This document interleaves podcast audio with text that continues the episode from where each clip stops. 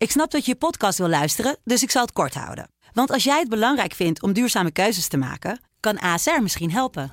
Nou hoor ik je denken, hoe dan? Nou, bijvoorbeeld bij het duurzaam herstellen van schade. Of de premies die we beleggen volgens ons duurzaam beleggingsbeleid. Dat bepaalt waar we wel en juist niet in investeren.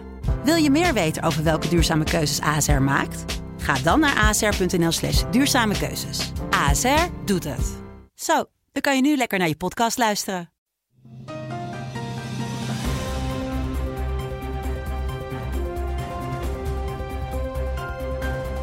Dit is de Telegraaf podcast. Het land van Wierduk met Kamran Oela.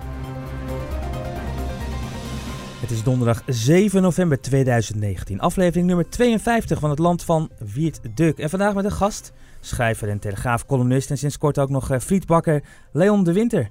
Welkom, uh, Leon. Uh, dankjewel. Uh, French fries designer. Oh, sorry, French de, fries is designer. de officiële term. Ja. Okay. Low carb. Van low carb naar no carb, zoiets. Ik, ik maakte me ook al zorgen dat we straks uh, krijgen we commentaar dat we weer aan de verkeerde kant van de geschiedenis staan. Dat we ja. friet zeggen en geen patat. Nee hoor, ik ben uh, hardcore frietzegger. hardcore frietzegger, maar, maar designer. Dus het is echt helemaal zo kunst. French fries designer. Ja. ja. ja en het gaat hè, voor de mensen die het, uh, die het gemist hebben, die het verhaal bijvoorbeeld bij ons in de krant niet uh, gelezen hebben. We gaan het overigens hier niet een heel uur over hebben, maar Jammer. toch aan, aan het begin, want dit, dit heeft te maken met een gezonde manier van leven. Um, laten we zeggen, de wens om wat gezonder ja. te leven. Ja. Want jij bent uh, frietenliefhebber. Um... Nou, niet eens. Oh. Ik, ik, ik vond het altijd wel lekker. Alleen uh, op een gegeven moment mocht het helemaal niet meer. Omdat ik op een low carb dieet moest. en dan ga je het toch wel een beetje missen. Maar het was, ik, het was vooral de vraag, waarom is het er niet? Waarom is er geen low carb friet? Kan het omdat het gewoon essentieel niet kan. Omdat dat niet mogelijk is met het, het basisproduct, ja. de aardappel? Ja. Of ligt het misschien aan andere dingen, zoals uh, dat de industrie, want het is een hele grote wereldwijde industrie, uh, uh, frietproductie. Ja, het wordt alleen of misschien ligt het ook, daar aan. Ja, het groeit en wij zijn volgens mij ook echt gigantisch daarin als Nederland, Nederland, Nederland en België zijn naast de Verenigde Staten de grootste frietproducenten ja. en exporteurs in de wereld. De fabrieken staan waar de aardappelen groeien, Kijk. weet ik inmiddels. En niet andersom, je brengt de aardappelen. Nou ja, ik zie... Ik zie Wiet, heb, jij, heb, heb jij ze al nee, geproefd? nee, maar wat zeg je? Heb je ze al geproefd? Ja, want uh, Leon en ik die waren te gast bij uh, Rick Nieman afgelopen zondag. Ja. En daar heeft hij na afloop even uh, een aantal van die frietjes gebakken. En dat kan ik iedereen aanbevelen. Dus je kunt tegenwoordig friet eten van Leon de Winter en zo'n Moos, waar je niet dik van wordt. Nou ja, Ja. wat... Ja, je ziet er ook een stuk beter uit. ja, ik eh. ben onmiddellijk enorm afgevallen. maar goed, we gaan het over geopolitiek en zo hebben. Ja, zeker. We gaan het inderdaad hebben over Donald Trump, over Russiagate. Uh, vast ook nog zo over de rol van de media. Want we hebben ook gevraagd of mensen vragen hadden. En er kwamen inderdaad allerlei vragen binnen die Ja. ook gingen over de rol van de media. Um, onder andere ook uh, over, de, over de NPO. Maar we beginnen met uh, ja, klimaat. Ja, een heus bewaarnummer vandaag uh, van de Telegraaf. Grote kop, doorgeslagen. Uitroepteken er zelfs achter op de voorpagina. Um, hoe pakten jullie vanochtend de krant van de deurmat? Nou, ik dacht, als ik mag beginnen, um, uh, ik dacht heel goed. Want uh, zo langzamerhand, ook als je met mensen in het land spreekt en zo, krijg je telkens te horen dat uh, heel veel Nederlandse burgers echt totaal geen begrip meer hebben voor wat zich daar in Den Haag allemaal afspeelt en de, de klimaatmaatregelen die daar worden genomen. En ik vind het wel eens goed als de krant daarop attendeert en zegt, joh, waar zijn jullie nou in Den Haag eigenlijk uh, mee bezig? Dus ik denk uh, dat Leon een soort gelijke reactie had, omdat hij veel natuurlijk over die klimaatgekte heeft geschreven ook. Mm -hmm. Ja, Nou ja, ik, ik, ik, ik ben bang dat dit zelfs een bewaarnummer wordt. Uh, het is nog maar de vraag hoe, hoe lang we, er, er, nog kranten zijn met, met dit soort verhalen. Want de druk om in de pas te blijven lopen wordt steeds groter. Um, er, is, uh, er is iets overgenomen uh, uit rapporten van de VN. Uh, die uiteindelijk geredigeerd zijn door activisten, ambtenaren van de VN. Op basis van onderzoeksrapporten. Er zijn net zoveel andere rapporten die iets heel anders beweren over het klimaat. Niet dat het niet verandert, natuurlijk verandert het. Nou, de, de essentiële basis is nooit echt bediscussieerd in, in ons politiek bestel. Die cijfers, de verwachtingen, de prognoses, het zijn alle, al die, alles wat we nu, nu doen, vergeet dat niet. Al die maatregelen zijn gebaseerd op computervoorspellingen. Mhm. En die computervoorspellingen, dat is in ieder geval al Mhm. wel echt aan, eh, aangetoond. Die stroken niet met de, de waarnemingen, Hm. met de peilingen. Voor zover we kunnen peilen, want we hebben nog steeds geen idee wat nou eigenlijk de gemiddelde temperatuur van de aarde is. Het valt niet te meten. Er zijn hele grote stukken van de aarde zonder peiling. Maar toch gelden die rapporten, IPCC heet dat dan, Mhm. als zo dwingend, als zo onheilspellend, dat we onze hele samenleving tot in de kleinste poren, je moet je voorstellen, aan het aanpassen zijn. Het is het meest krankzinnige, extreme sociale experiment ever. Het interessante is hè, dat de politiek dan zegt: ja, maar 97 of 99 procent van de wetenschap hè, eh, onderkend is. Terwijl hele grote wiskundigen zeggen: joh, die modellen die, die zijn niet toereikend. Met die modellen waarmee we nu meten en waarmee mee we voorspellen, kunnen we dat helemaal niet. Die hebben in het verleden bewezen om, eh, eh, hè, om niet overtuigend te zijn. En dat is natuurlijk een essentiële vraag, los van de vraag, wat we ook niet weten, in hoeverre nou de mens verantwoordelijk is voor die, voor die klimaatverandering.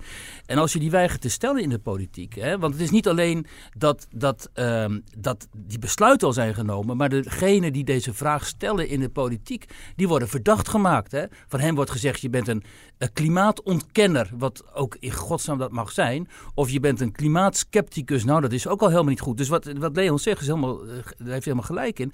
Er is een soort, soort massa-neurose ontstaan rond dat klimaat. En je moet in de pas lopen als politici, als bestuurders, maar ook als media. Omdat je anders een paria dreigt te worden in dat hele debat. Dus er is helemaal geen debat meer. Je ziet het aan mensen als eh, Marcel Krok hè, en anderen ook. Die zich daar wel voor inzetten voor een open, pluriform debat over deze kwestie. Eh, en die jongen die is op een gegeven moment gewoon zijn hele nering eh, verloren. Hè. Die zat op een gegeven moment eh, financieel aan de grond. Die kwam nergens meer aan de bak. En ook mensen als activisten, als Gerrit Hiemstra, de weerman van de NOS en zo, die zorgen er dan ook voor in hun, in hun social media gebruik en zo, dat deze mensen in het verdachte bankje komen. Want met hen wordt niet in debat gegaan. Zij worden gedisqualificeerd. Dat vind ik het ernstige hieraan. En dat is, eh, het klimaatthema is op dit moment daarin het meest eh, geprononceerd. Maar ja, er zijn natuurlijk ook andere kwesties waarin eigenlijk dezelfde tactieken worden gehanteerd. Ja, en het, waar het uiteindelijk om gaat is, is controle. Mhm. Controle over, eh, over onze manier van leven en met name over economische pro- processen. In alles moet ingegrepen worden. Alles moet gereguleerd worden. Alles moet passen binnen een bepaalde agenda. Op basis van één, en als ik het om, zo meteen omschrijf, dan, ik weet niet of je snel lacht, maar het mag. Op basis van de gedachte dat het klimaat een knop heeft. En die knop heet CO2. En als je eraan draait, wordt het minder, dan wordt het kouder. En als je de andere kant uitdraait, dan wordt het warmer. Dat op basis van deze ene simpele gedachte wordt onze hele leefwijze onderuit gehaald. Het klimaat heeft geen knop. Wat zit daarachter, eh Leon? Waarom gebeurt dit? Nou ja, dit is een proces dat al lang gaande is. Eh, we, zien weer eh, tendensen van de Club van Rome terugkomen met grenzen aan de groei. Dat is op basis van, van, van, van ook toen volkomen onhoudbare ideeën over hoe de mensheid zich ontwikkelt en wat de aarde aan kan. En een volkomen onderschatting van het menselijk vernuft en ons aanpassingsvermogen. Het, we, hadden niet meer bestaan volgens Grenzen aan de Groei, de, de Club van Rome, rapport uit 1972. Ja, en wat daarachter zit, en dat is ook al een hele lange tendens, dat, dat is de gedachte dat we, eh, dat we inderdaad alles moet, eh, ondergeschikt moeten maken aan, aan, een, aan een, een model van een, een soort groene heilstaat. En daar zitten, sorry dat ik de term weer moet laten vallen, er zitten toch uiteindelijk neomarxisten achter. En, eh, of of, of, dat of zou mijn post- vraag zijn, postmoderne socialisten, of hoe je ze ook wil noemen. Waar komt dat dan vandaan? Dat is exact de vraag. En je- dat- Er is, er is wat dat betreft is er, is er al lang een hele sterke groepering. Eh, een figuur, Google, Maurice Strong. Een, een, een, een, hele invloedrijke denker die ook bij de VN zat. Hij is op een gegeven moment, om welke reden ook, is hij naar China, min of meer gevlucht. Dat is ook een van de grondleggers. Ja, en, en dan zijn er eh, groeperingen bij, eh, bij universiteiten. Je hebt een hele sterke groep, eh, de Sierra Club in, in Californië, dat heel veel betekend heeft op dit gebied. Soms ook in positief Mhm. als je het hebt over, Uh, en daarin moeten we iedere keer ook een groot verschil maken. En het wordt continu op één hoop gegooid. Klimaat en milieu. Natuurlijk zijn we allemaal voor een schoon milieu. Natuurlijk willen we dat er vissen zwemmen in het water. En dat de natuur uh, verschoond blijft van rommel. Maar dat is iets anders van dat hele grote, ingewikkelde en volstrekt chaotische uh, proces dat het klimaat heeft. Want ja, als er die knop bestaat, en, en, en, daar is alles op gebaseerd, die knop, we moeten dus minder CO2 en daarmee wordt het weer enigszins onder controle. Mhm. Wie heeft 12.000 jaar geleden aan die knop gezeten? Wie heeft er toen voor gezorgd dat er een einde kwam aan de laatste grote ijstijd? Ja. Uh, er lag twee kilometer uh, sneeuw hoor. Uh, sorry, ijs. Het zou wel houtstook zijn geweest dan destijds, hè? Biomassa. Ja, het, het, moet iets dergelijks zullen ze wel gekapt hebben. Maar iemand heeft aan de knop gezeten. Nou, bespottelijke gedachte als je dat tot je door laat dringen. Terug naar, de, terug naar nu. en, en ook naar Nederland. Want ik hoor jullie ook allebei eigenlijk zeggen van joh, de, de basisvraag wordt niet gesteld. Met name de politiek. We, we, we, het wordt gewoon overgeslagen. Er worden gewoon rapporten in de hand genomen. Gezegd. En nu moeten we hiermee vooruit. Wat, zou die, wat is die basisvraag? Welke vraag moeten nu worden gesteld uh, in, in, in Den Haag of op een andere plek? Nou ja, het gaat altijd om balansen. Kijk, het is op zich niet erg om, te, om, om ervoor te zorgen dat we zo weinig mogelijk fossiele brandstoffen verstoken. Dat heeft een hoop positieve effecten, wat mij betreft. Alleen al om, om, om, om, om de, de financiering van heel veel ellende in het Midden-Oosten, om dat mhm. stil te leggen. Mhm. Dat is helemaal niet erg. Mhm. Uh, maar het, het wordt omgedraaid. Het wordt, het wordt bijna sacraal. Dus, en er zitten dus, het is dus niet alleen ideologie. Het heeft een religieuze, modern religieuze uh, component. iets dat groter is dat je, dat je, dan je zelf bent. Iets waar we met ons allen in onze ontkerkelijke tijd, althans velen, naar verlangen. Om toch deel uit te maken van een groter geheel. Bij te dragen aan iets positiefs en, en daarvoor zijn mensen, zeggen ze althans, bereid ook enigszins iets op te geven, uh, te offeren. Um, en, de, en ja, dat zijn processen die, die gaan nog zelfs voorbij nuchtere overweging over het effect van CO2. Maar dan nog begrijp ik niet um, waarom je als VVD'er, uh, dat zijn toch de nuchtere, hardwerkende Nederlanders, denk mm -hmm. ik dan. Uh, en je hebt de keuze tussen, zeg maar, de, wat jij noemt, de wat religieuze geobsedeerdheid van iemand als Jesse Klaver en zijn achterban. Of uh, die van een aantal wetenschapsjournalisten die ik een paar weken geleden aan het woord liet hier in de krant. Wat volstrekt rationele, intelligente mensen zijn. En die ook zeggen, joh, die klimaatcrisis, uh, kap daar eens mee. Want het is gewoon antiwetenschappelijk wat daar gebeurt in die politiek. Dan is de keuze voor elke uh, rechtgeaarde VVD'er toch duidelijk. Dan kies je natuurlijk voor die kant van die wetenschappers. Die ook een heel groot deel van jouw achterban vertegenwoordigen. Waarom ga je dan mee in die, die merkwaardige uh, doem van uh, GroenLinks, hè? die inderdaad, zoals Leon zegt, een soort religieuze groene agenda aan het uitvoeren zijn? Dat vind ik eigenlijk de, en dat is eigenlijk ook de vraag die natuurlijk vandaag in de kranten, hè, in de Telegraaf wordt gesteld. Hoe kun je als VVD zo doorslaan in dit soort beleid? Nou ja, er is daar iets akeligs gebeurd aan die klimaattafels. Ja. Daar zijn ondernemers hebben daar de mogelijkheden gezien. En gedacht, oh, maar daar, kunnen we, daar hebben we wat aan. We mogen weer beton storten. Geld, mm. schoon dat op het moment ook weer niet mag. Uh, die, uh, die, die, die windmolens moeten gebouwd worden. Ja. Uh, zonnepanelen. Alles moet omgebouwd. Iedereen een ander dat is natuurlijk een hele verschrikkelijke tendens. En dat moet daar ontstaan zijn. Er ontstaan natuurlijk aan die tafels. Als je mensen bij elkaar brengt. Positieve, negatieve effecten. Maar ook hele ingewikkelde groepsprocessen. Je wil er ook bij horen.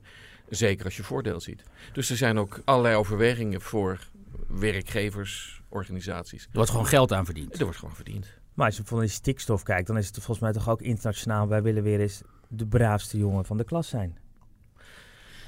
Ja, ik, uh, kijk, die hele stikstof. Uh, uh, ik begrijp die hele CO2 met de, met, met, met de klimaatknop. Begrijp ik al niet en die CO2 ook niet. Want je, je maakt keuzes. Mm -hmm. En ook hier zeg je van. Of die, de biodiversiteit. Dat is opeens waar het om gaat. Biodiversiteit. Of dat is belangrijk, of iets anders is belangrijk. En als je die keuze maakt, dan zul je het ook door moeten trekken. Maar ik zou de keuze anders maken. Ja. Dan zou ik zeggen, ja, dan iets minder biodivers. Ik weet niet wie er wat aan heeft aan die biodiversiteit. Want we hebben het over parken, we hebben het niet over natuur. Het alles is aangelegd in Nederland vanaf de, de 12e eeuw zijn we, 11e, 12e eeuw zijn we ermee begonnen in dit ongelofelijke land. Er is geen wilde oernatuur. Mm -hmm. Alles is gepland. Vanaf de 19e eeuw is alles aangelegd. Dus ook die Natura 2000. Ook die Natura 2000 stukken. Het gaat om parken. Nou, in parken maak je keuzes. Juist. Dan zeg je het een wel, het ander niet. En nu gaat het om, nu ook weer, het sacraal maken van biodiversiteit. Dat doe je niet in een park. Maar hoe zijn we zo ver kunnen komen dat we dan dus op, nu in een situatie zitten waarin we uh, in Estland bomen laten kappen. Hè? Dat is een schitterend land. Dat is een en al bos daar. Er worden nu massaal kennelijk bomen gekapt. Die importeren we dan om hier biomassa-centrales, zo heet dat geloof ik, hè, uh, te kunnen uh, laten functioneren. Omdat... Iemand die op Twitter ook uh, hier een vraag over stelde, die, die zegt ja, zelfs in Canada, er worden in Canada bomen gekapt die vervolgens naar Nederland moeten komen. Ja, wat... ja ook. Hè. Oh, en, en, en, dat gebeurt ook stikstofvrij, zeker en CO2-vrij. Die komen dan hier. Hoe zouden die hier naartoe komen? Nou, per schip waarschijnlijk, ja. Hè, wat, die schepen met die, met, met, met die diesel, met, met zware, ja. zware, zware olie gestookt. Ja. Het is hoe, hoe, moeten we het noemen? Hoe, waar, waar, zijn we mee bezig? En, en, daarom ook terecht wat er vandaag in de krant staat. Waar zijn we in hemelsnaam mee bezig? Mm. Wat is dit voor een vorm van, van zelfbedrog? Ja, Waarom hebben we dit nodig? Nou ja, collectieve uh, waanzin. Zeker als die feiten zo duidelijk voor zich spreken. Hè. Als blijkt dat die biomassa-centrales zozeer vervuilend zijn, dan zeg je toch om En dat is iets van 11 miljard, 11 miljard subsidies er naartoe ja. gegaan. Hè. Ja, nou, dan heb je het antwoord. Ja. Maar in ieder geval... Dus Kunnen wij weer betalen? Ja, dus in de basis, we moeten gewoon weer terug naar de, naar de basis. Dat was eigenlijk een beetje de conclusie die we nu zeggen. Gewoon nou ja, bij al dit soort uh, verschijnselen moet je iedere keer afvragen, maar waarom, waarom? gebeurt dit? Op basis van welke overwegingen? Mm -hmm. Oh, en er zijn een groep wetenschappers die zeggen, ah, ja, ik denk dat wij allen dan meteen de reflex hebben. En, maar zijn er ook wetenschappers die B zeggen en C? Oh, die zijn er ook. Oh, dan moeten we toch eens even heel goed gaan nadenken. Wanneer horen we in de Nederlandse me media, behalve dan in de, ja. bij de, in de Telegraaf. En bij Sivinia uh, uh, natuurlijk. Stemmen en Sivinia, ja. zeker. Er zijn nog een paar. Marcel Krok, er zijn Climate uh, Gate, heet geloof ik ook nog een fantastische website.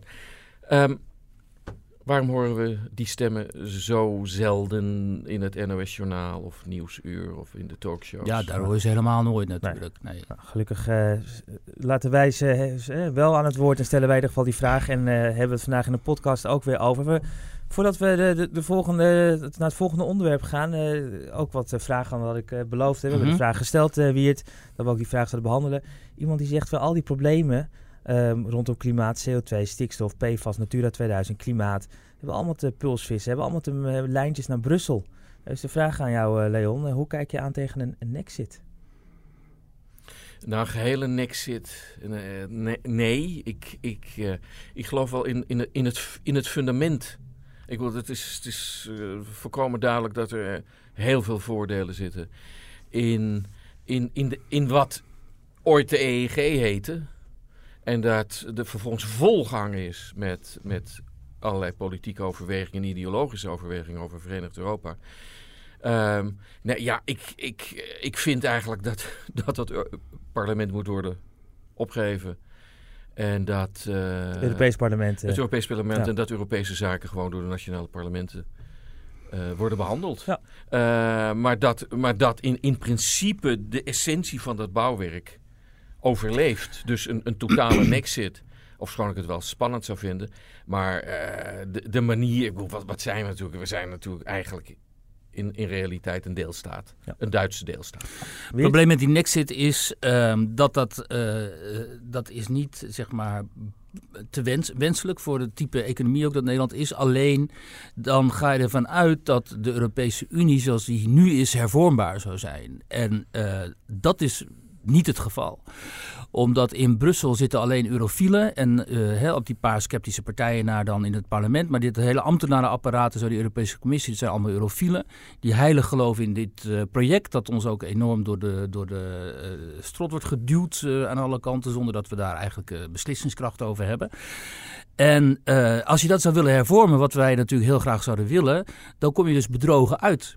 Uh, tenzij er een soort van electorale opstand gebeurt, hè, zou gebeuren in die verschillende Europese landen. Wat je in Oost-Europa dus wel ziet en in Nederland ook even hebt gezien toen het Forum voor Democratie, hè, wat Thierry Baudet die wil uiteindelijk een exit, toen het Forum voor Democratie zo groot werd bij de statenverkiezingen, uh, dan zie je hoezeer dat ook leeft. maar het zou beter zijn als wij de, de, de macht hadden om als kiezers om die Europese eh, Unie echt heel drastisch te hervormen. Maar dat, dat gaat niet gebeuren. Dus we zitten met een soort betonnen moloch daar, die maar doordraaft en doordraaft. En een regering, coalitie, die gewoon in principe alles uitvoert natuurlijk wat daar in Brussel, uh, wat, wat dus de regeringsleiders en staat, uh, met, met elkaar bedisselen. En wat uiteindelijk bij Euro Europese Commissie wordt uitgevoerd. En um, dat is eigenlijk een hele sombere gedachte. Nou, laten we Brussel achter ons, we gaan de plas over. Want over precies een jaar, dan weten we het, heeft de Verenigde Staten een 46e president. Of blijft Donald Trump nog eens vier jaar uh, in, de, in het Witte Huis uh, wonen. Um, dus laten we het uh, gaan hebben over, over Amerika. Is, is Rusland al begonnen met de inmenging? Want het is nu een jaar voor de verkiezingen. Um, nou ja. Zijn er al eh, tekenen? Uh, ze zouden ben jij al gevraagd? Ze zouden hun werk niet goed doen als ze dat niet zouden proberen natuurlijk. Er zijn, uh, maar, maar dat doen de Amerikanen omgekeerd met zo ongeveer elk, elk land dat van belang is. Ja.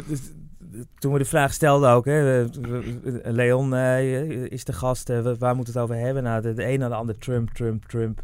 hoe kijk je naar Trump? Hoe kijk je naar, naar Amerika? Uh, laten we beginnen met uh, Donald Trump is drie jaar geleden gekozen, zo kunnen we het ook zeggen. Uh, als we nu een rapportcijfer moeten geven, heren, hoe doet hij het als president? Nou ja, als je kijkt naar, ik, ja, hangt er vanaf hoe, hoe, je ernaar kijkt, maar als je kijkt naar, naar werkloosheidscijfers, naar de beursstanden en dergelijke, is hij een uitstekende president. Ja. De werkloosheid onder zwarte Amerikanen is lager dan ooit, lager dan de afgelopen 60, 70 jaar of iets dergelijks. Uh, hetzelfde geldt voor werkloosheid onder, onder Latino's en dergelijke. Dus het zijpelt wel degelijk door. De welvaartactiviteit. Mensen mm. hebben daardoor weer iets meer bestaanszekerheid gekregen. Wat, wat een lastig fenomeen is in, in, de, in de sociaal zwakkere groepen in de Verenigde Staten. Ja. Mm -hmm. Maar ja, ik vind, uh, hij heeft de, de, de, we hadden het net ook al over zelfbedrog. Het zelfbedrog van van, van Obama in het Midden-Oosten. Dat, uh, dat, dat masker heeft hij afgetrokken en, en is, uh, heeft een heel andere weg ingeslagen. Um, ja, maar ja, hij heeft een uh, nogal opmerkelijke stijl en een manier van communiceren ja. die interessant is. En, maar, maar dat hoort ook tot het... Tot het, het is authentiek. nou, nou, ja, hij houdt nu weer die, die enorme bijeenkomsten ja, dat zijn eh, stand-up comedy shows. dat is fantastisch en voor een groot deel geïmproviseerd. Het is zeer knap. Hij, eh, hij, laat die zalen loeien van het lachen. En staat te acteren en doet stemmetjes na en, en doet van alles en nog wat. Dus het is inderdaad... We hebben het over de Amerikaanse president. We hebben het over de eerste entertainer-in-chief, ja. ja. Nou ja, kijk, als je een politicus afrekent op uh, in hoeverre hij zijn beloftes nakomt, dan uh, moet je een positief cijfer geven natuurlijk. Hè. Daar staat hij zichzelf ook telkens op voor. Ik kom gewoon mijn beloftes na. En ik ja. heb bijvoorbeeld gezegd, ik trek die troepen terug uit het Midden-Oosten. Ja. Uh, dat, hij zegt dan dat hij dat doet, hè, maar vervolgens plaatst hij zich dus weer ergens anders. Dus je kunt hem ook niet aan al die beloftes houden. Um, wat ik eigenlijk heel interessant vind aan, aan hem is... Um, dat hij zo totaal schaamteloos is. Hè? Dus hij trekt telkens die maskers af van het, zeg maar, wat het politi politieke discours en zo, waar Obama dus zo verschrikkelijk goed in was. Hè? Die was, had zich dus in alles gevoegd naar de wenselijkheid van van de uitspraken, zeg maar. Dus Obama wist precies wat hij moest zeggen om hele grote groepen mensen te bevallen. Dus hij was een enorm pleasende president mm. eigenlijk. Hè? En wij gingen allemaal op onze knieën, althans een heel groot deel van de westerse bevolkingen en zo. Ging op de knieën voor die schitterende retoriek van deze president en zo. Terwijl in de uitvoering eh, was er natuurlijk ontzettend veel op aan te merken. Heel veel mensen zullen denken dat Obama een president voor de vrede was, bijvoorbeeld.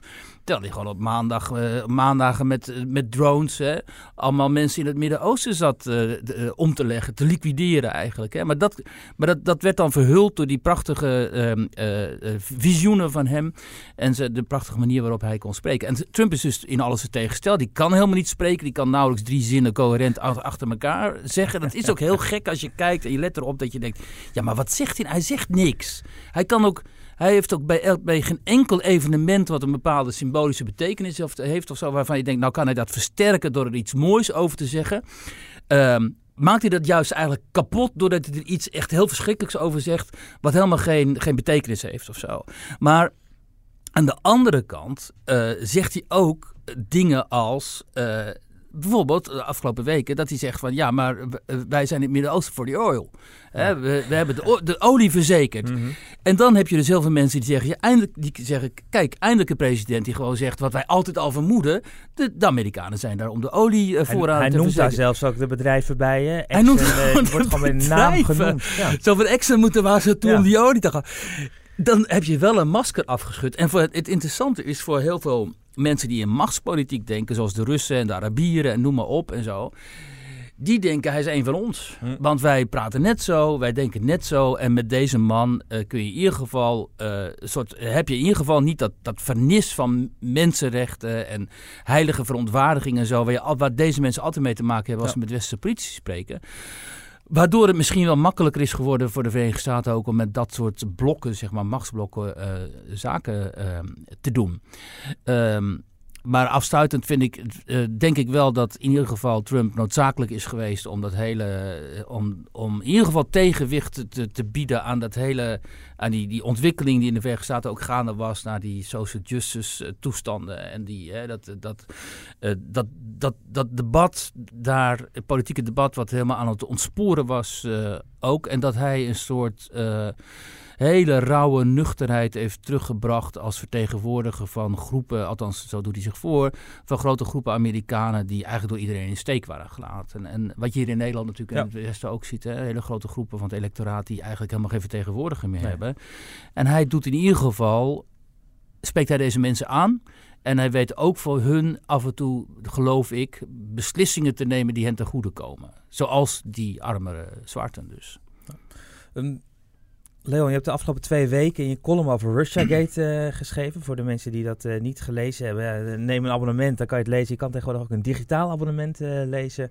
Dan kan je alle columns van, van Leon lezen. Maar ook jouw pagina in Nederland, die gaat over het onderwerp waar je het net over had. Daar hebben we het zo meteen nog over. De, mensen die dus de, column gemist, de columns gemist hebben, waar ging het in de kern over? Of waar gaat het over? Wat is er aan de hand? Nou ja, wat, wat we zien is het is, het, is, het, is de afbraak door de Democraten samen met, met, met machtsgroepen in de overheid van uh, de constitutionele regels in de Verenigde Staten. Hm. Er wordt geprobeerd een gekozen president af te zetten. Niet omdat hij crimes en high demeanors heeft, uh, of high crimes en misdemeanors heeft gepleegd, mm -hmm. want dat heeft hij niet.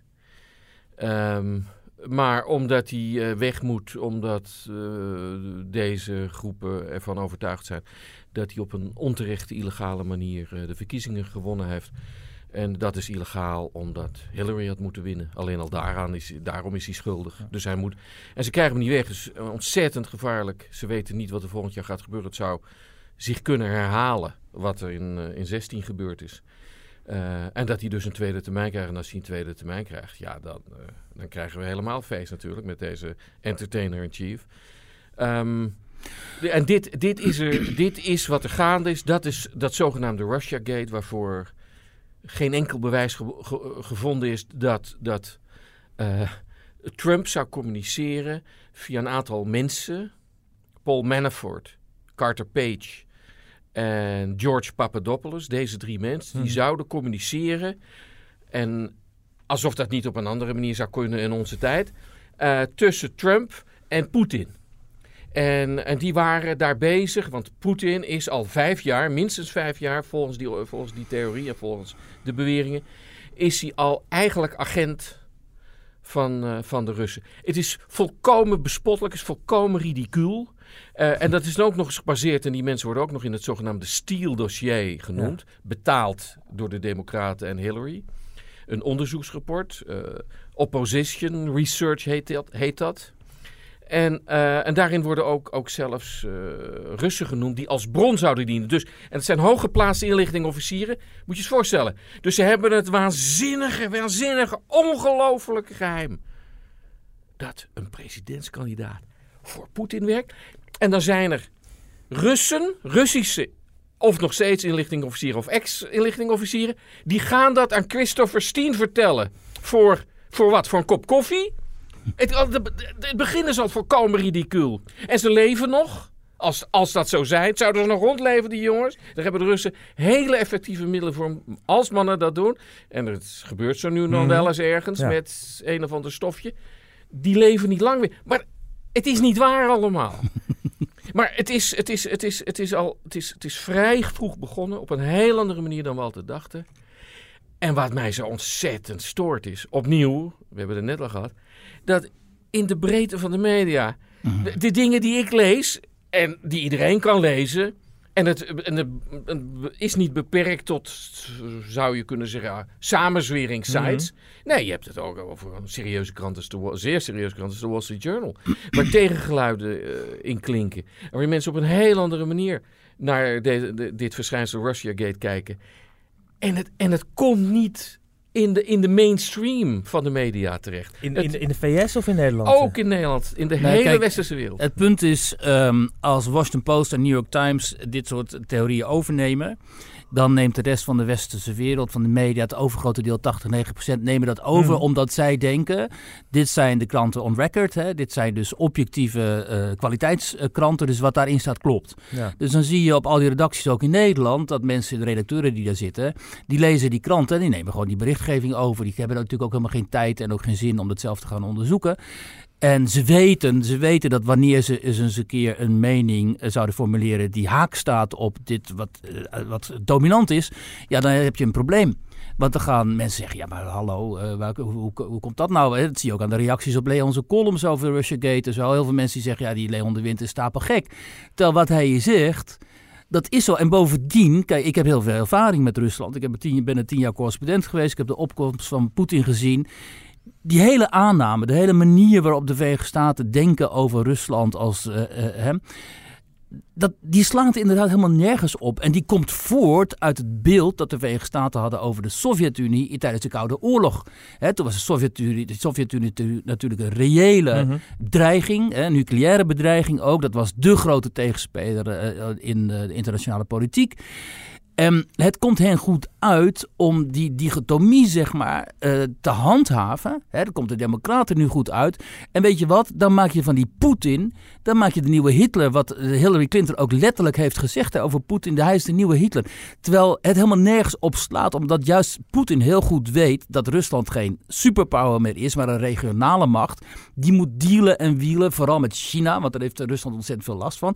Maar ook met die Verenigde Staten, omdat die, die Verenigde Staten en China veel grotere mogelijkheden, veel meer mogelijkheden hebben, veel rijker zijn, veel militair sterker ook dan de Russen. Dus aan te nemen, aan te nemen dat een Amerikaanse presidentskandidaat Ja. in de zak van Poetin zou zitten, dat is zo surrealistisch. En ze hebben het al vijf, jaar- al vijf jaar geleden, al vijf jaar voor 2016, z- zouden de Russen er al mee bezig zijn geweest. Ik, ik denk dat het nog cynischer is. Want natuurlijk weet Hillary dit. Dat Ja, het natuurlijk. gelul is. En natuurlijk weet, eh, wanneer was het vorige week of zo, een bespottelijke, bespottelijk videootje van Joe Biden die, eh, die het Amerikaanse volk, volk probeert te vertellen. Poetin, Poetin zit mij dwars. Ja. En ik zal tegen hem gaan vechten. En zo. En weet, man weet dat hij staat te raaskallen dat het volkomen gelul is. Dat er geen enkele aanwijzing is dat dit plaatsvindt.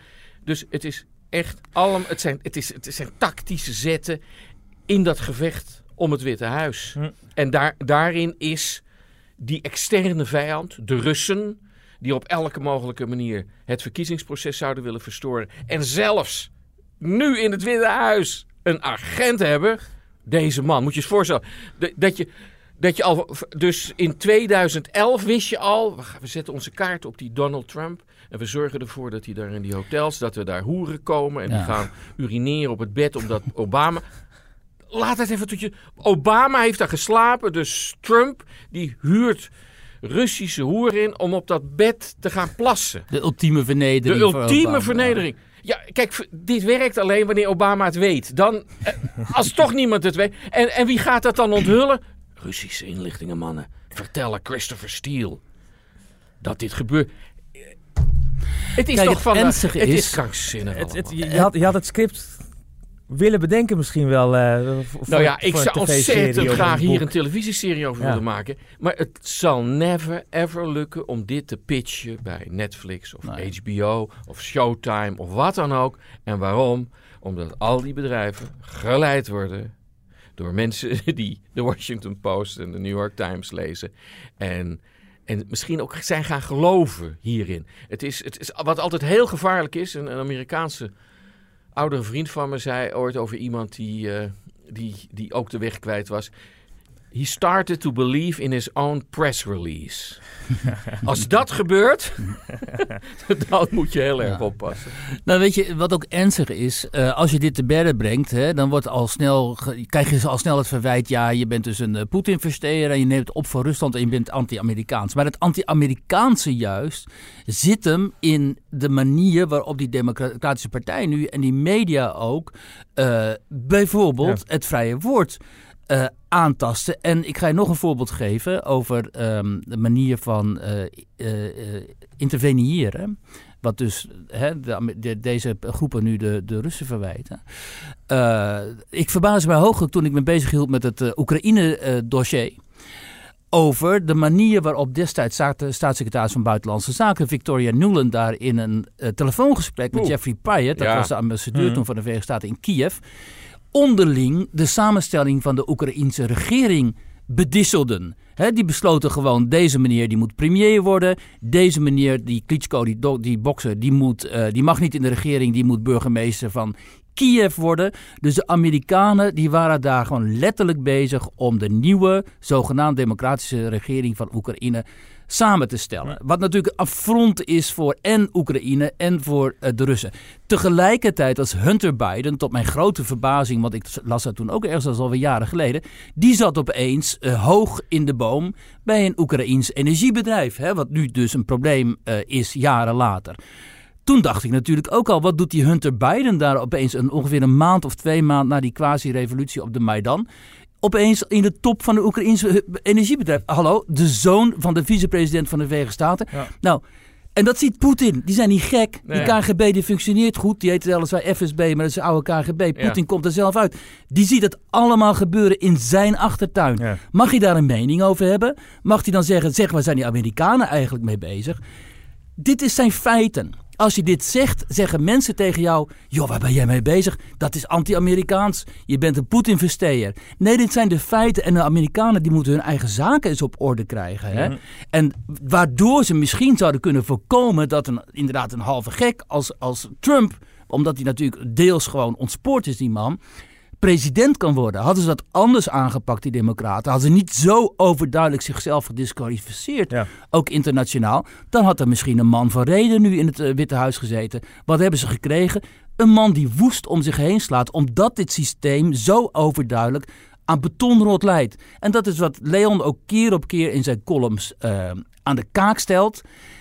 Maar wat door ons, ook, ook, sorry hoor, ook bij de NPO en zo, bij onze NWS, maar niet wordt als analyse wordt geaccepteerd. Hè? Het wordt als propaganda gezien en niet als een valide analyse, wat het wel degelijk wel is. Dus niet de Russen hebben Trump in het Witte Huis gekregen, maar eigenlijk democraten zelf. Uh, ja, zeker. Zeker, Trump, ja. Uh, Trump is, het, is, het, is het antwoord op Obama. Ja. Ja. En alles wat, wat samenhangt met Obama. Um, en Clinton, vooral natuurlijk Hillary. En, en Hillary, Hillary heel veel mensen vonden ook op dat moment van alle alles liever dan, maar, maar een hemelsnaam. Ja, zelfs democraten, hè? Die, die... Maar, maar Hillary zou ook de voortzetting zijn, daar leek het op, ja. van, uh, van Obama. En dat heeft ook te maken met die, met die, die, die intellectueel, culturele eh, elite, de arrogantie die daarmee samenhangt. Uh, het, het, het, wij zijn, wij zijn uh, flexibele, tolerante mm -hmm. wereldburgers. En ja, Mensen moeten daar, krijg je, daar krijg je een reactie op. En dat met de Oekraïne, en het begint nu net, want het is pas net begonnen. Ik las gisteren een artikel over de geldstromen van het IMF naar de Oekraïne. Sinds Obama is er 47 miljard naar de Oekraïne gegaan. En waar is al dat geld gebleven? En niemand heeft er ooit er is geen journalist die daarin gedoken is. Wat is er met dat geld gebeurd? Hoe is het besteed? Heeft er kickback plaatsgevonden? Wie heeft er allemaal van geprofiteerd? Er kan natuurlijk maar één reden zijn. Als je Hunter Biden, die helemaal niets weet van energiepolitiek, die geen idee heeft in welk land hij is als hij landt, daar in Kiev. Om zo'n man op zo'n plek te zetten voor, het was meer, want ik dacht dat het 600.000 is, een miljoen, hij heeft er vijf, heeft er goed, vijf jaar gezeten. Waarom zou je die man in je, in je, in je bestuur willen hebben? Hm. Er is maar één reden natuurlijk, dat is toegang. Ja. Tot het Witte toegang Huis. tot het Witte Huis. Ja, daar gaat het om. En daar werd hij voor betaald. Eh, nou ja, eh, dat kwam naar voren nog eens in een telefoongesprek tussen, tussen eh, Trump en, eh, en de president, President. Van, van, de, van, van de Ja, Oekraïne. die Zelensky. Die Zelensky. En, maar wat, wat mensen... Heel, oh, er valt ook de term crowdstrike. En dat is heel intrigerend. En daar is, daar, dat zit Trump ook dwars. En dat heeft een enorme rol gespeeld Hmm. ook in dat hele Russiagate. Dat is het bedrijf dat de, de, de inbraak in de server van de Democratische Partij in de zomer van 2016 heeft onderzocht. CrowdStrike. CrowdStrike is eigendom van een van de Oekraïense oligarchen. En het grootste deel van het werk van CrowdStrike, dat een kantoor ook heeft in Washington, staat in de Oekraïne. Ja. Die staan daar. En er is wat mee, want de FBI heeft, heeft, de, eh, de computers van de Democraten, dat dus gehackt zou zijn door de Russen in de zomer van Mhm. 2016, nooit onderzocht. Dat is gedaan op verzoek van de Democraten. Daarvoor hadden ze een, een, een bedrijf klaarstaan, CrowdStrike, toevallig in bezit van een goede vriend van Hillary. Nou ja, zeg. En dat rapport is de basis geweest voor het verhaal dat wij nog steeds elkaar vertellen. De Russen hebben de mails van Hillary gehackt. We hebben geen idee, want er is nooit een objectief onderzoek geweest. En dat bedrijf is dus een Oekraïns bedrijf. En dat, daar hengelde Trump even naar. Zou ik ook gedaan hebben. Al een aantal jaren geleden, eh, toen freelance ik nog, toen schreef ik dus een stuk over de fondsen van die eh, Clinton Foundation. Hm. En los van dat onze eh, loterij daar dus heel veel geld naartoe had laten sluizen. Het bleek dus ook dat een van die Russische oligarchen, een van de belangrijkste... Dat is de postcode loterij waar je het ja, over hebt. Ja, ja, ja. Niet, ja. Eh, maar het bleek dus ook dat een van die Oekraïense oligarchen een van de grootste eh, donors eh, Uh-huh. was van die Clinton Foundation. En dan zeggen die Amerikanen steeds, ja, maar die Clinton Foundation dat is, staat los van Hillary en Bill en zo. Daar, daar hebben ze afstand van genomen en zo. Ja, dat zal allemaal wel. Maar het is natuurlijk wel veel zeggen dat er dan zoveel Ja, geld de- naartoe gaat en- er is dus, we, we hebben altijd onderschat hoe belangrijk de Oekraïne is geweest voor bepaalde elementen binnen de Amerikaanse overheid, buitenlandse politiek. Eh, openlijk en, en, en, Mhm. en ook geheim. Hè, zoals inderdaad dat beruchte de, de telefoongesprek.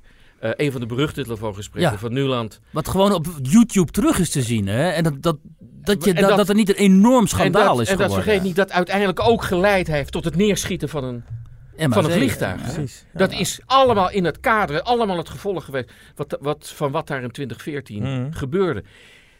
De geldstromen, de contacten, dat was een van de speerpuntlanden, de Oekraïne, om Rusland af te snijden. Terwijl het kon niet anders. Het Ja. kon niet anders beschouwd worden door Russen, door Poetin, als een verschrikkelijke provocatie en een uitdaging van de Russische soevereiniteit. Om opeens de Oekraïne, de bakermat van de Russische Ja. cultuur, op die manier in de greep te willen krijgen.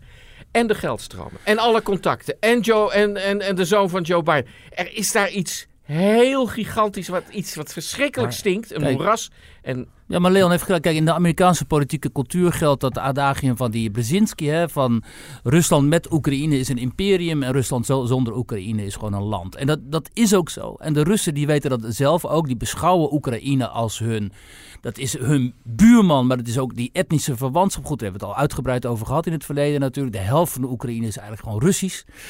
Ga je dat als het Westen hè, en de Amerikanen eh, echt concreet, ga je proberen om dat bij Rus af te troggelen bij, qua invloedssfeer van Rusland, ja, dan weet je dat je gewoon een enorm probleem op je hals gaat halen. Eh, de Europese Unie heeft hier ook enorm in gefaald hè, door Oekraïne en andere eh, so- ex-Sovjet-republieken dat associatieverdrag destijds aan te bieden waar zoveel over te doen was pure geopolitiek spel dat het Westen eigenlijk heeft verloren en wat uiteindelijk Oekraïne heeft eh, geruïneerd. Ehm, en wat nu in Washington verder wordt uitgespeeld door die Democratische Partij. Zo moeten mensen daar Het eigenlijk is- naar ja. kijken. En wat, wat Trump op zijn bord heeft gekregen. ja, er zal iets van dit alles. Er zal zometeen als, als, als Barr met zijn, eh, met zijn onderzoek eh, klaar is, de minister van Justitie van de Mhm. Verenigde Staten. eh, hij is overal geweest, hij is de hele wereld rondgereisd. Want er zijn vertakkingen naar heel veel landen. eh, wa- waar de oorsprong van Russiagate ligt. Maar ook de rol van wat daar ooit begonnen is in de Oekraïne. En, en de, de, wat mij betreft uh, uiterst negatieve uh, effecten Ja. van de manier waarop de Verenigde Staten ten tijde van de regering Obama uh, zich daar gemanifesteerd heeft. Het is, Het is heel echt een, het is een film. Hè? Als je dan denkt aan het beeld van die, die, die, die puppets daar op de Maidan. eh, Timmerman, nee, wie waren het ook weer? Eh, Verhofstadt van Hofstad eh, en Van. Dan denk je toch ook, joh, als je er een film van zou maken, dan zou je het eh, scenario bijna niet geloven. Maar ja, zo ging dat dus. Ja. Vooruitgeschoven posten van de Europese Unie. Maar, maar Op in ieder de geval, Maidan. eh, maar in ieder geval voor nu geldt, hè, het, ja, eigenlijk met het oude adagium eh, follow the money. Eh, Ja. Want die, die geldstromen, als je Ja, ja, al, die, al die allemaal volgt, dan kom je ook tot die, eh, ook of- of een onderzoek echt onafhankelijk is, wie, wie waar de baas van is. Ja, en, en de Clinton Foundation en Bill en alles wat daarbij zit. Het, eh, we, we, zien, we zien een heel klein, klein puntje van een ijsberg. een gi- giga-ijsberg daaronder. Ja, ja, ja. En dat is wat ook waarom ook de Democraten zo verschrikkelijk hun best doen om Barr te disqualificeren. Want wat er zometeen komt, zal niet missen. Ja, we, we hebben, geen, we hebben uit. geen glazen bol, maar eh, als we hier vandaag over een jaar staan, wie is dan eh, zojuist eh, gekozen tot president van de VS? Nou, ik, ik zie geen, geen, eh, op dit moment helemaal geen tegenkandidaat voor Trump eigenlijk bij de Democraten. Wie zou er moeten zijn? Biden, die is veel te oud. Althans, zo wordt hij gezien. En ehm, onder... En ja. zie je Warren, zie je, zie je haar daar op een podium staan discussiëren met, met Trump. Met, ik, ik denk dat iedereen die, die daar naast hem komt te staan, dat is natuurlijk een indrukwekkende, ook fysiek indrukwekkende figuur. Ja. Bedoel, Hij, hij blaast je weg. Want, want hij kent geen gêne. Nee. Wat jij Nee, net precies. gezegd hebt, dat is, dat is er niet. Dus hij zal alles doen om je volkomen af. Pocahontas noemt hij er, hè? Ja, ja. Al heel lang, omdat ze zo eh, Indiaans zou zijn. Dus daar, daar- zal hij een show van maken dan. Als, als er die, die confrontaties zouden komen. Er is, Eh, geen, er is geen reële... En dan zijn er eh, mensen weer, zoals die vrouw, die senator uit, van Hawaii, die eventjes wel interessant Ja. lijkt. En die, die zakt dan weer weg. En dan weer- Gabbard. Ja, maar die, wordt dan door het establishment gewoon omgebracht. Ja. Dat is misschien wel interessant om uit te leggen. Tulsi Gabbard is een verschrikkelijk interessante kandidaat vanuit Hawaii. Eh, en die zou inderdaad een soort van tegenkandidaat kunnen zijn. Alleen die wordt dus vanwege haar afwijkende standpunten over and- onder andere over Amerikaanse militair optreden in- buiten de Verenigde Staten en zo. Die wordt dan onmiddellijk eh, verdacht gemaakt ook vanuit de media en vanuit haar eigen partij. Hè, dat ze zelfs een videoboodschap aan Hillary Clinton moest wijden. Ja. Zo van, joh, kappers met het defameren van mij. Want Ja. dit is niet de manier waarop we met elkaar omgaan in onze partij. Nou, maar de echt interessante kandidaten worden klein. Ook die Pete Buttigieg, die burgemeester, Ja. kan ook interessant zijn. eh, zeker voor een deel van de VS. Maar ja. Ja. dus, weg, wegzakken, want die heeft andere meningen. Ja, er zijn. eh, en er zit nog iets geks achter. Zo, ook zeker als je het hebt over de vrouwelijke kandidaten die er nu zijn. Hmm. eh, voor de Democraten. Er er is iets geks van. Die, die, die moeten eigenlijk ook opzij gaan. Want, want er is eigenlijk maar één echte vrouwelijke kandidaat. Ja, Ja, oh ja. en die moeten weg, Ja. al die anderen. Ja. En dat is Hillary natuurlijk. Ja. Je, ik, ik- het, het zou nog wel eens kunnen dat, dat die opeens langs zij komt. Als de, als de Democratische Conventie is in, eh, in juli in Ja. Milwaukee, Ja, geloof ik. d- zou dat echt kunnen? Gewoon Ja, toch het- weer... het, het, eh, Clinton? bij, de, de, de- bij de vorige conventie, de laatste keer over. Ja. eh, toen, toen werd Sanders buitenspel Ja, gezet, ja, Bernie Sanders. Eh, om Hillary naar voren te Ja. krijgen. En dat was ook een volkomen van bovenaf opgelegde manoeuvre. door het establishment van, eh, van de Democratische Partij. die nog steeds. waar, waar, waar de Clintons nog steeds een grote rol in spelen. Wa- Wat, we- waarvoor, voor wie zal Obama kiezen? Want die heeft natuurlijk onderschat ook zijn, zijn macht niet op het Mhm. moment nog steeds. ja. En eh, het is niet duidelijk. Maar Biden, die, die, die Hij, maakt geen hij kans. kan eigenlijk niet om, om Biden heen, toch? Obama. Ja, maar hij maakt geen kans. Nee. Ik bedoel, dat- ja, er zijn nu peilingen dat Biden zou winnen. Maar die, ik, een paar dagen geleden zag ik nog de- een, een peiling van vlak voor de- een dag voor de verkiezingen. Er stonden de kansen van eh, Hillary op 90 procent. 98% land.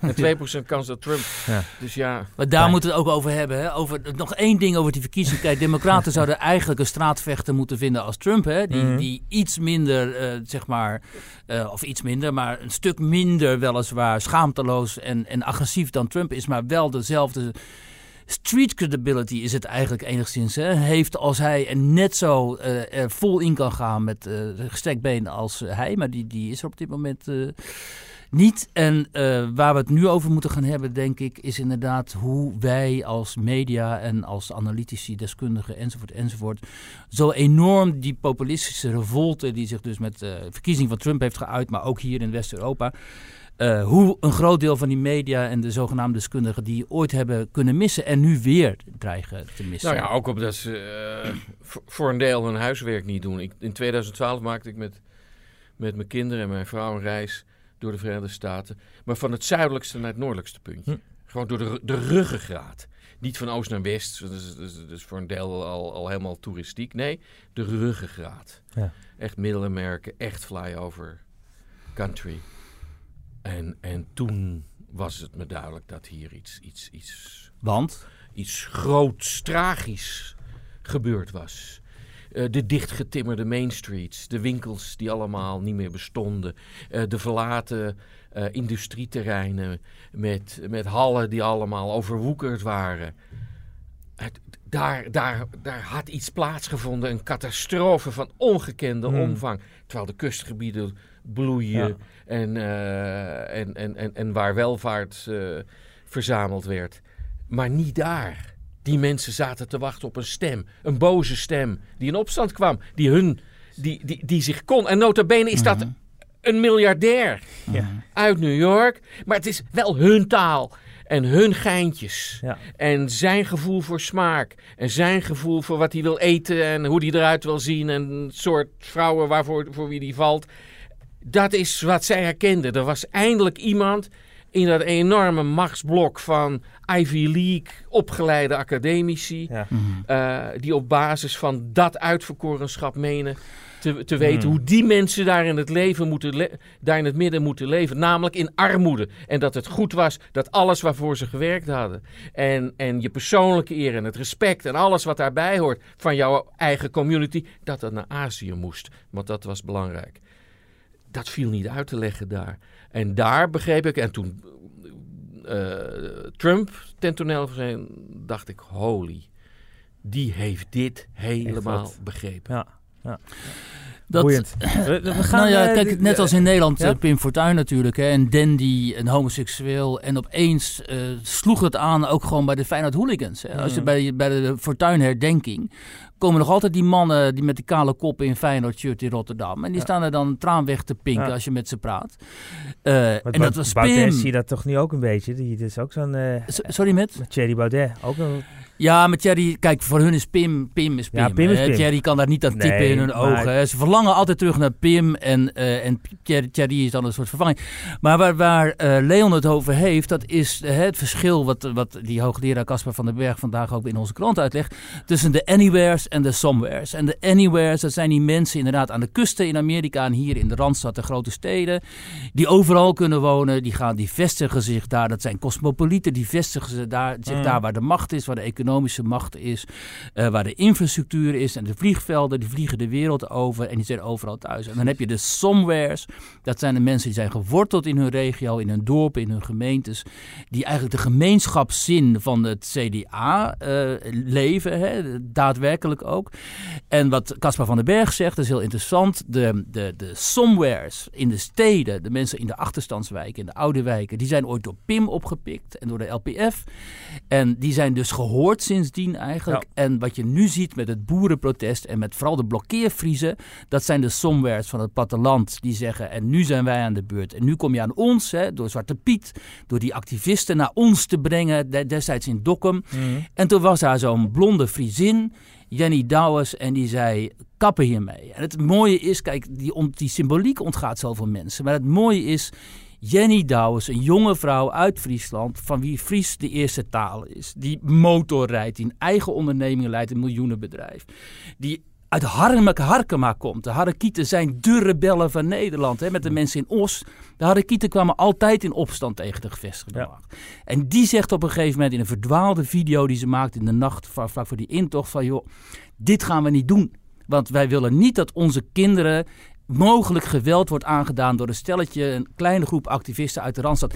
En dat had dus een enorm appeal. Dat, eh, dat, appeal, dat sloeg enorm aan, niet alleen in Friesland, maar in heel Nederland. Die vrouw die krijgt nu nog steeds steunbetuiging omdat ze veroordeeld is vanuit heel Nederland. Ja. Op het leidt er heeft ertoe geleid dat nu in Brabant en in Noord-Holland boeren met Friese vlaggen staan te zwaaien. Dus dat is een hele belangrijke sociologische ontwikkeling. En Die, die Friese vlag die de geuzenvlag is geworden van deze beweging. En er zijn mensen die kunnen dat zien. Hè? Zo iemand als Casper van den Berg, die uit een keurig milieu komt in Leiden en keurig hoog opgeleid en zo. En een aantal andere mensen die dit kunnen zien. En er zijn mensen die zich daartegen verzetten. Ja. Die zeggen dat die, die Douwe is als een nazi. Kijk maar naar haar haar en kijk maar naar de kleur van haar haar. En al die Friesen en die boeren, het zijn ook rechtsextremisten en zo. Dat zijn de mensen uit de 14% De, de, de, de anywheres. Die 14% die leeft, hè, dat is de elite. Die dus ook door de manier waarop zij deze beweging disqualificeren... er blijk van geven dat ze er niks van begrepen hebben. Dit zijn de mensen waar Leon het over had... In de, aan, de, aan de west- en aan de oostkust... die ook niks begrepen van die mensen in de flyover country. En hoe gaan we dat nou eens herstellen, eh, Leon? Dat die mensen dus wel begrijpen wat er gaande is in die regio's. In die vergeten regio's, zoals Van den Berg dat noemt. Want anders zijn deze landen en ook Nederland op een gegeven moment niet meer bestuurbaar. Want je ziet nu dus echt, heb ik de indruk, hè, met die, dat bouwprotest misschien ook een beetje. Maar vooral die boeren en die blokkeervriezen. ehm, een soort grassroots beweging van mensen die zeggen, Ja. we pikken dit niet meer. Ja, dat zou eigenlijk moeten via, via, via media.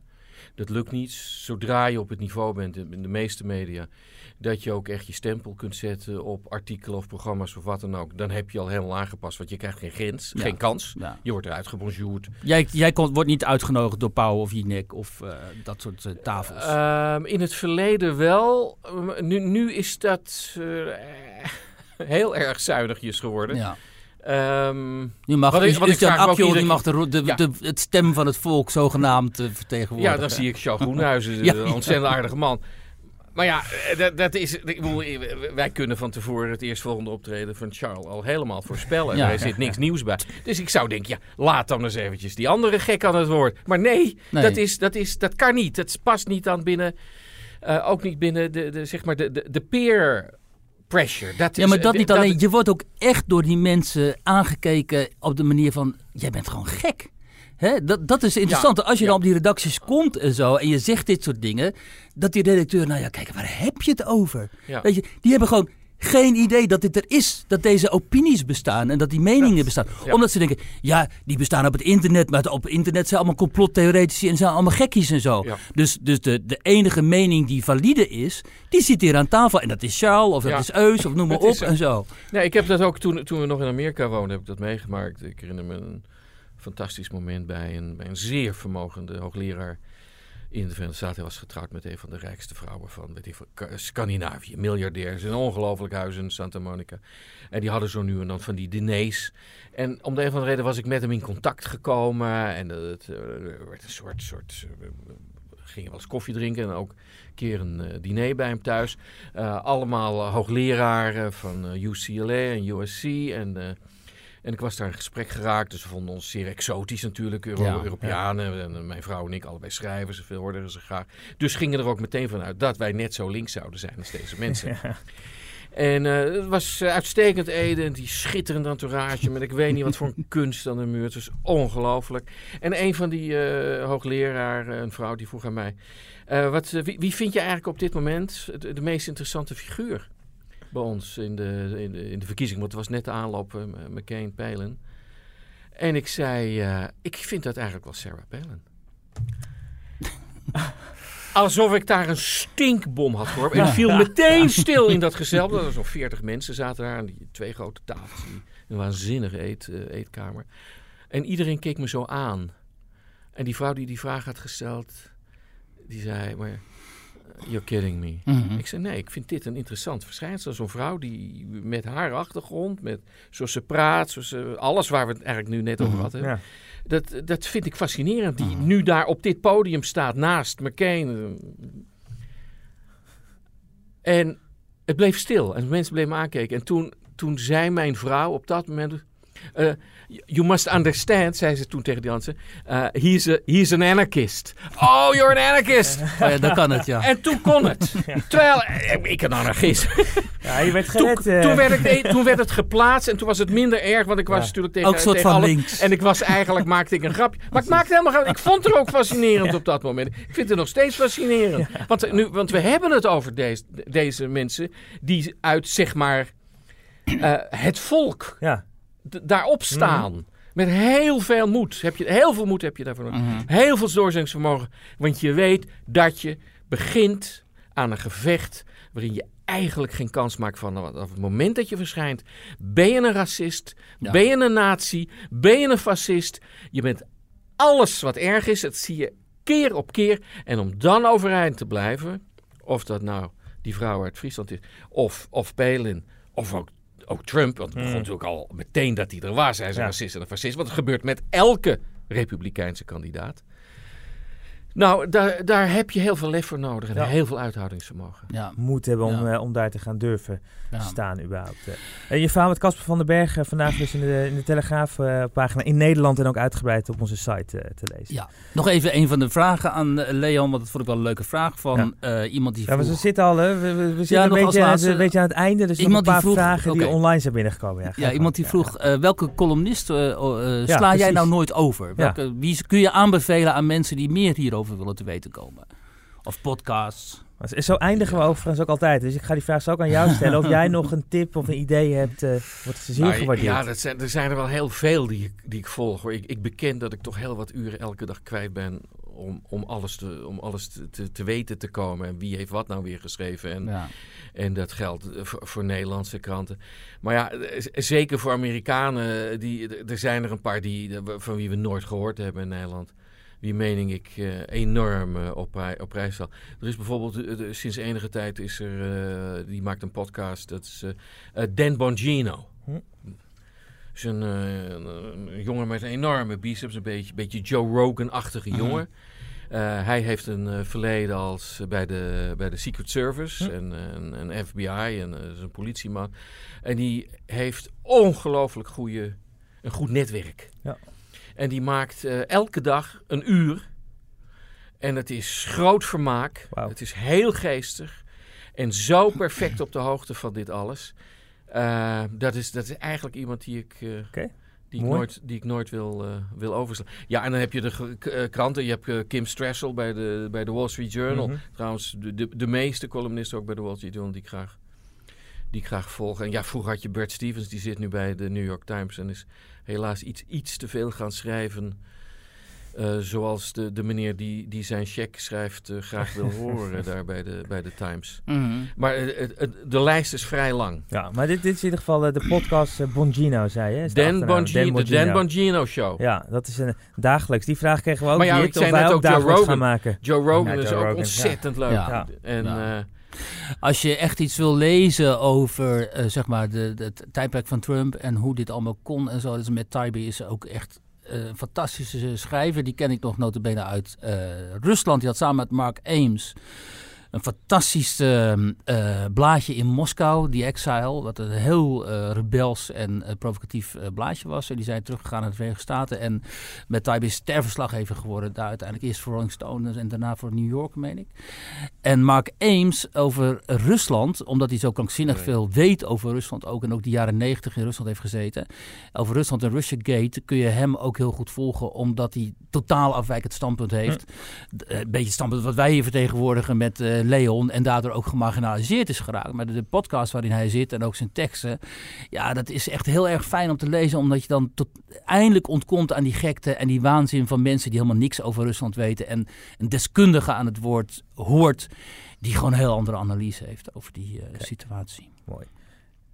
Dan eh, komen we zo langzaam tot eind. Dan, de- The Report is een film die vandaag uitkomt. En die gaat over, eh, over de, de, de, praktijken van de, van de CIA na 9-11. eh, met, met name de martelpraktijken, hoe die tot, eh, tot stand zijn gekomen. Ja. Ehm, eh, ik heb een voorpremière al mogen, mogen zien. En dat een, een aanrader. Het werd gewoon goed geacteerd door de hoofdrolspeler.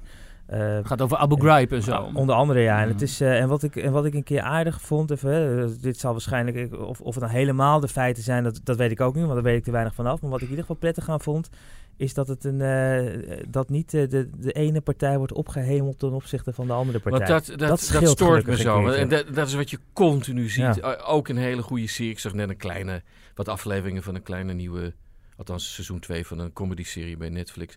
En er wordt even dan en passant, dan eh, heeft iemand het op televisie, daar gaat het helemaal niet om in, in, in, die, in die show, over, over Trump. En, en de hoofdpersoon van die serie reageert erop en roept... Ja, hij is natuurlijk ook uh, een, een sociopath Ja. en weet Ja. ik wat.